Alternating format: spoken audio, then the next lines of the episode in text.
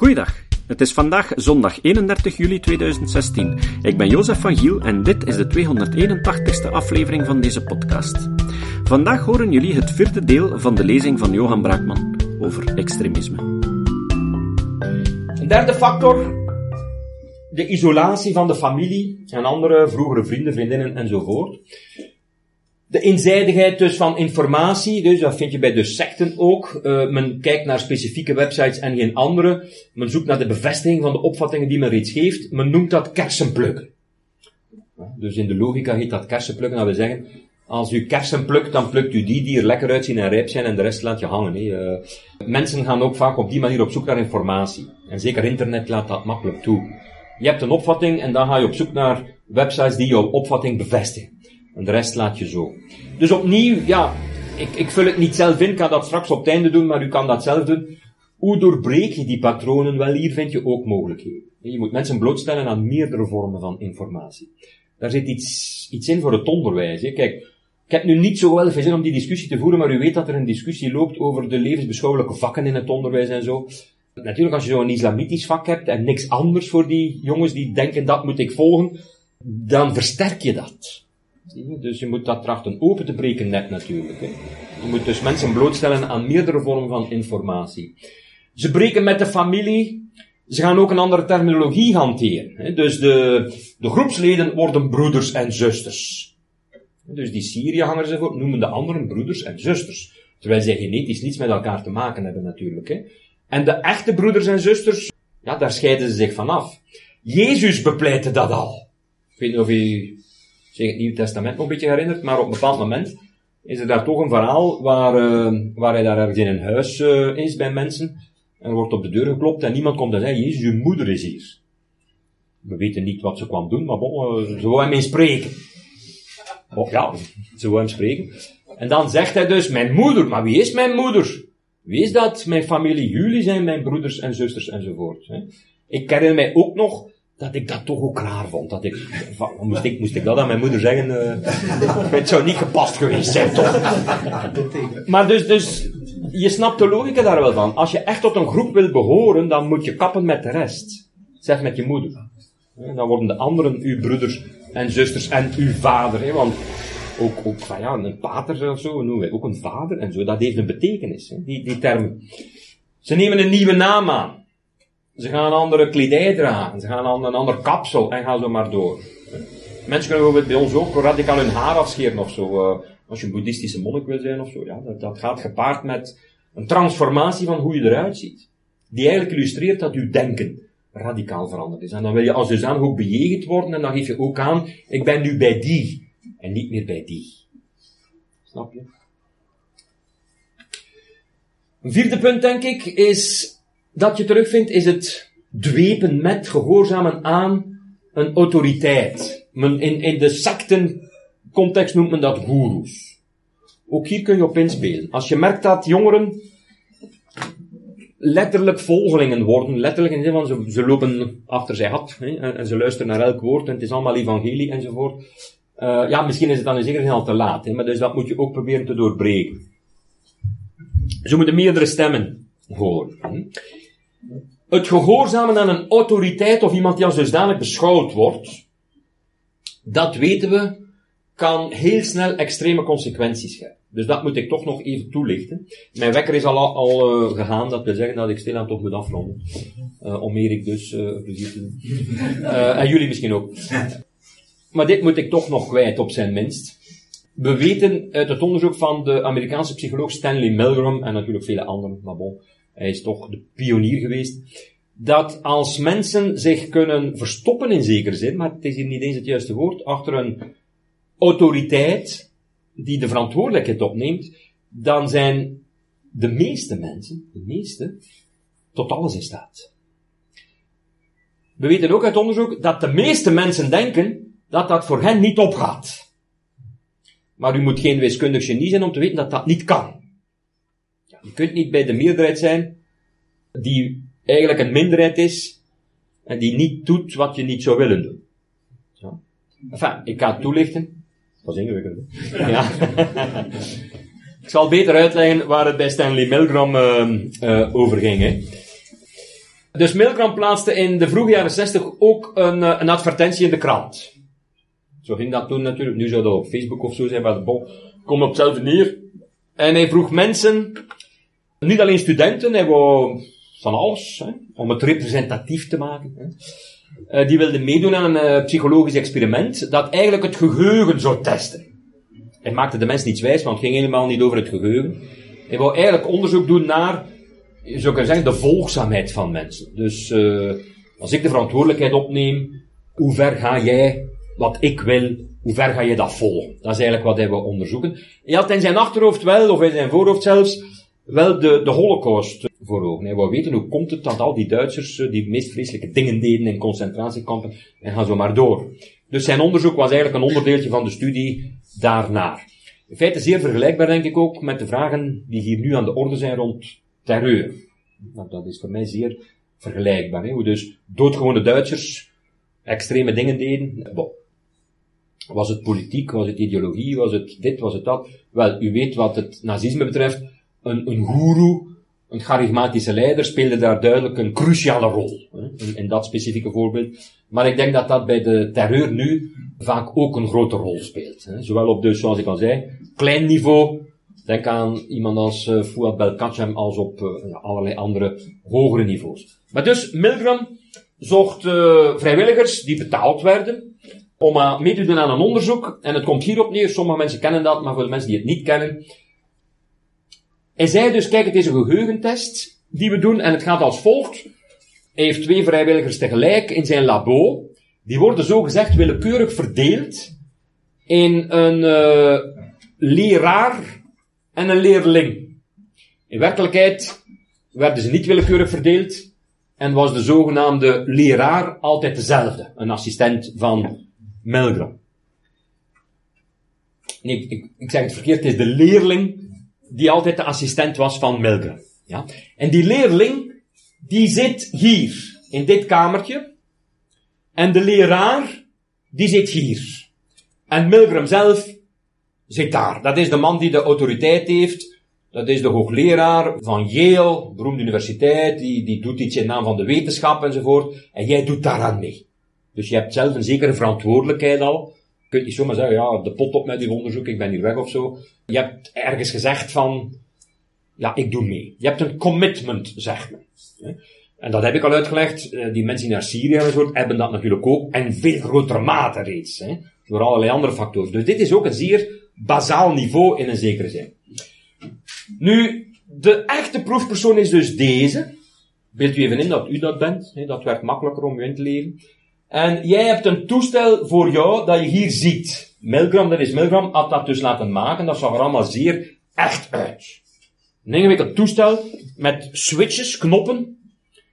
Dat toestel was verbonden met draden aan de pols van de leerling, zo gezegd. Maar dat was dus een acteur. En jij ging zelfs even mee in dat kamertje om te zien wat er daar gebeurde. Dus die zette zich daar neer. Uh, men, hij deed zelfs een beetje gel aan die arm om voor de geleiding goed, uh, de elektrische geleiding en zo, dat werd allemaal uitgelegd. En zo werd dat aan dat toestel verbonden. En jij moest dan via micro of een geluidsgat uh, vragen stellen aan die persoon, vragen die erop neerkwamen dat je zijn geheugen testte.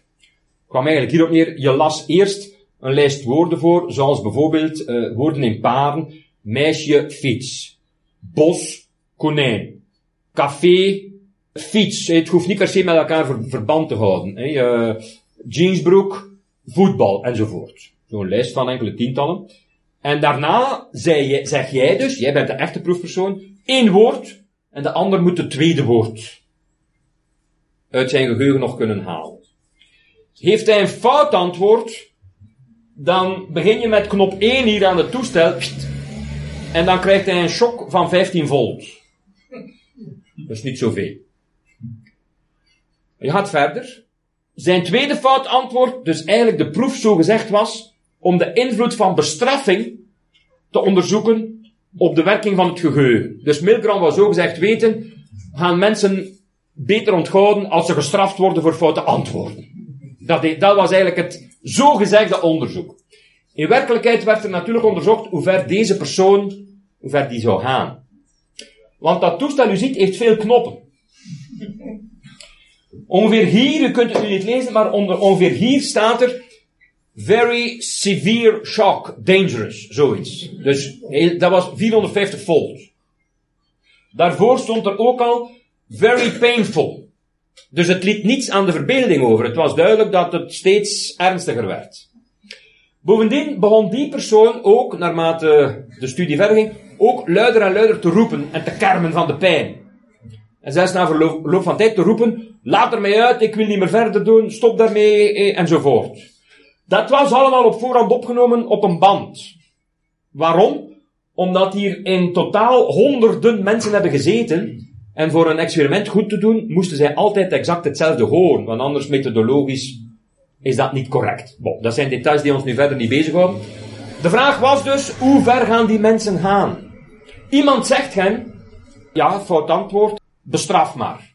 Telkens een knop hoger, dus telkens met sprongen van 15 volt. U kunt zelf de link leggen met de Syrië-strijders die escaleren tot onthoofdingen en weet ik veel wat allemaal. Hè. Milgram zelf wist het natuurlijk ook niet, wat, wat er zou gebeuren. Hij vroeg, voor hij de proef deed, vroeg hij aan zijn collega's, kenners zogezegd van het menselijk gedrag, wat denken jullie? Als ik er 100, 130, mijn eerste 100 proefpersonen, uh, hoeveel gaan er door tot het einde? Het einde, daar stonden drie kruisjes, wat zoiets betekende als, ja, misschien dodelijk zelfs of zo. Er werd zelfs ook op voorhand door die man gezegd, een acteur dus, dat hij een hartconditie, een hartaandoening had. Dus dat, dat er toch een beetje moest opgeleid worden, want zijn hart was niet al te best. Op een bepaald moment, als je mensen die dus doorgingen met altijd bestraffen, bestraffen, bestraffen, op een bepaald moment hoorde je niks meer. Dus vlak daarvoor had hij geroepen en getierd en plots was het gedaan. Dus dan kun je toch vermoeden, ja, er is daar iets gebeurd. Maar die vragen moeten doorgaan, dus de, de professor, de autoriteit zegt, ja, volgende vraag, dus volgende antwoord. Er komt natuurlijk niets. En dan vraagt de proefpersoon, de echte proefpersoon hier, dus de leraar zo gezegd, ja, want nu krijg je een antwoord, dan zegt hij, ja, geen antwoord is een fout antwoord. En dan moet je dus voor bestraft worden. En dus, op, door. Oké.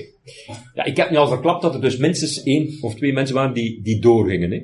Maar anders zouden we dat niet weten. Hè. Dat ze doorgingen, ook al was er stilte van de andere kant van de kamer. Hè. Of in de andere kamer. Maar dus Milgram vroeg zich af, uh, ja, hoeveel gaan er zo doorgaan? En hij vroeg het aan zijn collega's, zogezegd experts in menselijk gedrag. En die zeiden, oh, 1 à 2 procent. Misschien een of andere psychopaat of zo, een sadist of zo. Of iemand die het niet goed snapt, één of twee. Van de honderd. Het juiste antwoord is 65. Dus er 65% van de mensen gaat door. Dus u kunt niet zomaar automatisch zeggen dat u daar niet zou bij zijn. Ik denk, en dat is een belangrijk punt, nu u dat soort dingen kent, denk ik bent u weerbaar. Dat is een van de belangrijke dingen dat je mensen uitlegt dat ze kwetsbaar zijn om in situaties terecht te komen waar ze dingen doen die, die echt niet kunnen. Maar als je dat niet weet, dat je zo in elkaar zit, dus ook jij, ook ik, ja, dan ben je kwetsbaar. Dus dat is het soort zaken, denk ik, waar we die jongeren ook weerbaar kunnen voor maken. Kijk, je vindt voorbeelden bij de vleet. Zo'n guru overtuigde 400 mannen om hun testikels af te snijden. Er is daar een, hele, heel verhaaltje bij, ja, enfin, bon. Ja, maar dat is niet zo verschillend uh, als uh, Hitler. Hitler is natuurlijk nog veel radicaler, die, die al die mensen overtuigt van kijk, ja, dit is echt wat we moeten doen. Bij Milgram, met kop, kwam er nog niet eens het effect van dehumanisering bij. Wat je bij die terreuraanslagen wel ook hebt. Dus dat men eerst die mensen, de slachtoffers ontdoet van hun menselijkheid. Wat de nazi's met de joden deden bijvoorbeeld. Dat deed Milgram niet, hè. Dat maakt het erger dus, hè, voor alle duidelijkheid. Integendeel, die man was gekozen om de acteur te zijn, net omdat hij zo sympathiek was. Je kon daar niets tegen hebben. En anders zou je nog een, ja, het ziet er een beetje een op uit, zo, uh... Nee, het was een sympathieke man, ja. Dus 65% van de mensen gaat zo door tot het hoogste voltage, zelfs als er geen reactie meer komt uit de andere kamer. Zie je? Dus, dat gaat dus quasi onmiddellijk, hè. Dat duurt niet zo lang, hè. Die mensen komen naar binnen, als mensen die van zichzelf onmogelijk zouden kunnen denken dat ze in staat zouden zijn om daar iemand een vermoedelijk dodelijke elektrische shock te geven. Dat kun je je niet voorstellen. Maar achteraf ja, kunnen ze ook niet ontkennen dat ze daar blijkbaar wel toe in staat waren. Wat je dan ook ziet, belangrijk, is dat verschillende van die mensen, dus die werden dan gedebriefd. Hè, dus er werd hen dan snel uitgelegd hoe het zat. Ook om hen gerust te stellen. Ze kregen de andere man dan te zien en zo. Dan waren ze natuurlijk opgelucht wel. Hè. Maar ze rationaliseren ook hun gedrag. Ze gaan zo dingen zeggen als, ja, maar ik moest van jou, en, en, uh, je hebt mij gezegd, anders mislukt het experiment enzovoort. Dat is allemaal juist dat dat gezegd werd, maar op zich is dat irrelevant ten opzichte van zo'n man uh, te martelen eigenlijk, hè. Of misschien zelfs te doden. Goed. Toch nog iets over religie. Dus ik denk dat in het terrorisme dat wij nu kennen, of dat nu ja, in het nieuws is, religie dus toch echt een rol speelt. Hè, meer bepaald religieus dogmatisme en dat irrationalisme. Je kunt daar eigenlijk niet naast kijken. Ik vind het dus vreemd dat men dat in sommige kringen blijft ontkennen. Om te beginnen al, die mensen zeggen dat zelf. En waarom zou je hen niet ernstig nemen? Kent u Mohamed B. nog? Mohamed Bouyeri, dat is de moordenaar van uh, Theo van Gogh. Ja. Die heeft zelf gezegd op zijn proces, letterlijk, ja, ik doe dit niet omdat ik Van Gogh een onnozelaar vind of een smeerlap vind of zo, dat heeft er allemaal niks mee te maken. Ik doe het omdat Allah dat van mij wil. Dit is gewoon wat ik moet doen. En die mensen vinden natuurlijk verrechtvaardiging daarvoor in hun heilige tekst. Zoals iemand die van christelijke signatuur terreurdaden pleegt, natuurlijk ook verrechtvaardiging in de Bijbel kan vinden.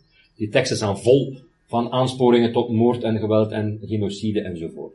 Dat is gewoon zo. Ja? Als u een christen bent en u leest de Bijbel, dan zal u zich daar niet op die manier letterlijk door geïnspireerd voelen. Maar vroeger was dat wel zo en nu nog, nog soms.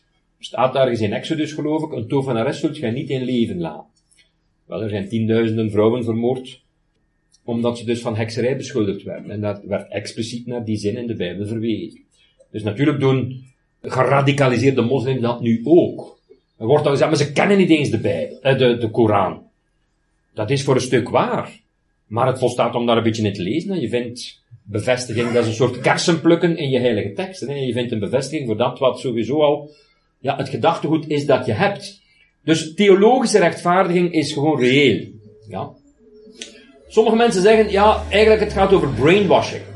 Dus die mensen worden ergens religieus gebrainwashed. Ja, brainwashing zelf bestaat eigenlijk niet echt. Zo letterlijk van, men, men dacht vroeger dat de Russen zo technieken van brainwashing hadden in de Koude Oorlog en zo. En dat dus, of, of dat krijgsgevangenen dan terugkwamen en gebrainwashed waren. En dan ontbrainwashed moesten worden en zo. Uh, dat blijkt eigenlijk niet echt als dusdanig te bestaan. Maar er bestaat natuurlijk, ja, indoctrinatie. Die al van kleins af aan gebeurt. Ik kan het niet laten om jullie toch een filmpje te tonen. Van een meisje, een klein meisje, een islamitisch meisje. Hoewel ik dat woord eigenlijk niet graag gebruik, omdat er zijn geen islamitische kinderen. Hè. Er zijn ook geen christelijke kinderen of joodse kinderen, dat bestaat niet. Er zijn natuurlijk kinderen die geboren worden in een gezin dat joods of christelijk of hindoeïstisch of wat dan ook is, en die kinderen worden dan zelf ook joods en christelijk enzovoort gemaakt. Maar je wordt natuurlijk niet geboren als een islamitisch kindje of wat dan ook. Natuurlijk niet. Zie je? Je wordt zo gekneed, geïndoctrineerd. En dat gaat heel sterk. Zie? Dus als je naar dit filmpje kijkt, is dat vrij duidelijk. In het filmpje dat hier gespeeld wordt, zie je een meisje van twee jaar en hoor je haar islamitische vader allerlei uitspraken in het Arabisch doen. Het kind weet op elke uitspraak het perfecte antwoord te geven. Het gaat over uitspraken uit de Koran of andere heilige schriften. De onderwerpen zijn soms schokkend, in de trend van Wie zijn de verraders? Het kind antwoordt De Joden. En zo gaat het ongeveer vijf minuten aan een stuk door. شو اسمك؟ وحدة كم عمرك؟ اثنين كيف حالك؟ هنا ما تحية الإسلام؟ سياقون من ربك؟ الله أين الله؟ Enfin, dat gaat zo nog een tijdje door. Ik vind dat wat deprimerend. Maar ik kan mij voorstellen precies dat die vader misschien hè, eh, daar net trots op is. En daarmee uitpakt. En als je naar dat filmpje kijkt, er staan daar ook veel commentaren onder van moslims die dat fantastisch vinden. Ja, dat is inderdaad ja, het van buitenleren van de catechismus eh, tot enkele decennia geleden. eh, of het van buitenleren van allerlei voedingsvoorschriften bij orthodoxe joden. En ga zo maar door. Dus dat is ons niet vreemd. Maar ik denk dat dat een probleem is. Hm? Ik denk dat we dat nu net moeten vermijden. Je moet je kinderen dus niet op die manier opvoeden. Je moet je kinderen net tot vrij denkende mensen opvoeden, uiteraard. Hè, die, die zelf een mening kunnen vormen. Als je zo'n opvoeding hebt gehad, is het erg moeilijk om daaraan te ontsnappen.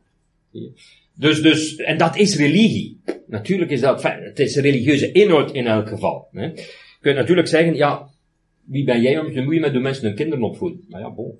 Als we ons daar niet mee bemoeien, dan... En natuurlijk bemoeien we ons daarmee. De overheid bemoeit zich met eh, het onderwijs en, en, enzovoort. En ik denk dat dat oké is. Andere voorbeelden van religieus dogmatisme en irrationalisme is domweg het geloof in het leven na de dood. Ik kan niet bewijzen dat het leven na de dood niet bestaat. Maar het is wel duidelijk dat er ook tegelijkertijd allerlei zeer irrationele opvattingen over zijn. En dus die mensen die zich letterlijk opblazen, Sommige daarvan zijn misschien volstrekt nihilistisch, dat kan. Het is moeilijk om in hun hoofd te kijken. Maar het is duidelijk dat er velen zijn die wel degelijk geloven dat dat een goed idee is. Omdat er dus een hiernamaals is en dat daar een beloning aan vasthangt enzovoort. En je ziet ook dat eh, hun familie daar dan wordt voor gefeliciteerd zelfs. Ah, is feest, want uw zoon is nu in het paradijs enzovoort. Ja, dus als, als je dus hier bij ons zelfs jongeren van 14, 15, 16 jaar hebt die dat letterlijk geloven, dan is er iets fout gegaan in hun opvoeding. Of op zijn minst iets, iets fout gegaan met de ontwikkeling van hun kritisch denken, zal ik het maar noemen. Ja. Dus dat zit in religie toch vrij sterk ingebakken. Dat dus mensen tot handelingen kunnen komen, eerst tot opvattingen die als heel normaal, zelfs positief, lovenswaardig, bewonderenswaardig worden beschouwd, maar eigenlijk, ja, toch serieus van de pot gerukt zijn. Ieder jaar op Pasen bijvoorbeeld, eh, of op eh, Goede Vrijdag, zijn er in de Filipijnen mensen die zich aan het kruis laten nagelen, en ik bedoel dan wel degelijk nagelen. Die vinden dat een zeer goed idee. Je kunt natuurlijk zeggen, ja, zo wat, zolang ze maar geen anderen aan nagelen. Ja, ergens vind ik dat ook wel. Mensen mogen dat als er geen andere last van heeft. Oké, maar daar gaat het mij nu niet om. Het gaat er mij om om duidelijk te maken dat mensen in een dergelijke dynamiek van een soort virale mentale besmetting kunnen komen. En dit dan een goed idee kunnen vinden. Zoals de Shiiten zich, zichzelf eh, zweepslagen geven, maar dat vind je in het christendom ook in sommige kringen, bij de Jezuïeten bijvoorbeeld. Hè. Of ja, dit soort rituele gebedsgenezingen bij protestanten in de Verenigde Staten bijvoorbeeld. Maar dit is natuurlijk zeer vreedzaam, maar het is natuurlijk ook tegelijkertijd een illustratie van hoe vreemd mensen hun gedachten kunnen zijn. Hè. Als je naar boeddhistische rituelen kijkt, hele bouwwerken gewijd aan religie. Je vindt dat in alle, dit is het grootste ter wereld, hè, Angkor Wat. Hè. Is reusachtig. Ja, dit is natuurlijk volstrekt onschuldig. Dit, dit vinden wij knap, hè, die bouwwerken. Onze kathedralen, we zijn daar trots op enzovoort. Maar het gaat mij over het, het mentale gedachtegoed dat daarachter zit en dat men dat dan ook doet. Die dingen, dat zijn hele radicale dingen. Een tuinhuis is al lastig. dus men gaat erg ver. Daar gaat het niet om. En dus dat heb ik in het begin gezegd, de evaluatie daarvan is, is, is iets anders. Hè. Dit is een Joodse orthodoxe man, en er zijn zo ja natuurlijk ontzettend veel voorbeelden, hè, die dus ziet in een plastic zak in een vliegtuig zit. Waarom? Omdat hij denkt dat het vliegtuig ook over een bepaald kerkhof vliegt. En er is dus een soort taboe over te dicht bij een kerkhof komen. En dan moet je daartegen beschermd worden, en dan denkt hij dat hij door in een plastic zak te zitten daartegen beschermd wordt. Ja. Dat is geen man met een vijslos. Misschien, ik denk misschien in een zekere zin toch wel. Ja, misschien in een zekere zin. Maar waarschijnlijk is dat voor de rest een gewone normale man. Volgende keer horen jullie de laatste aflevering waarin Johan Braakman ingaat op hoe we radicalisering kunnen vermijden. Het citaat. Het citaat van vandaag komt van Sam Harris. Harris kwam al enkele keren op deze podcast. Ik moet hem aan jullie dus niet meer voorstellen. Harris zei: Stel u een toekomst voor waarin miljoenen van onze afstammelingen elkaar uitmoorden omwille van rivaliserende interpretaties van Star Wars of Windows 98. Kan er ook maar iets ridiculer zijn dan dat? En toch is dat niet ridiculer dan de wereld waarin we leven. Tot de volgende keer. Deze podcast is het resultaat van het werk van veel mensen. Rick de Laat verbetert bijna al mijn teksten en maakt de meeste vertalingen. Emiel Dingemans verzorgt onze website en Facebookpagina. Ook Leon Korteweg en Stefan Sutens schrijven, vertalen of verbeteren soms artikelen. Leon Onderhoud bovendien het YouTube-kanaal van deze podcast. De muziek van de intro en de trailer heeft Nick Lucassen geschreven. En soms maken we ook gebruik van muziek van Ad van Nederpelt, die ons zijn prachtige composities ter beschikking stelt.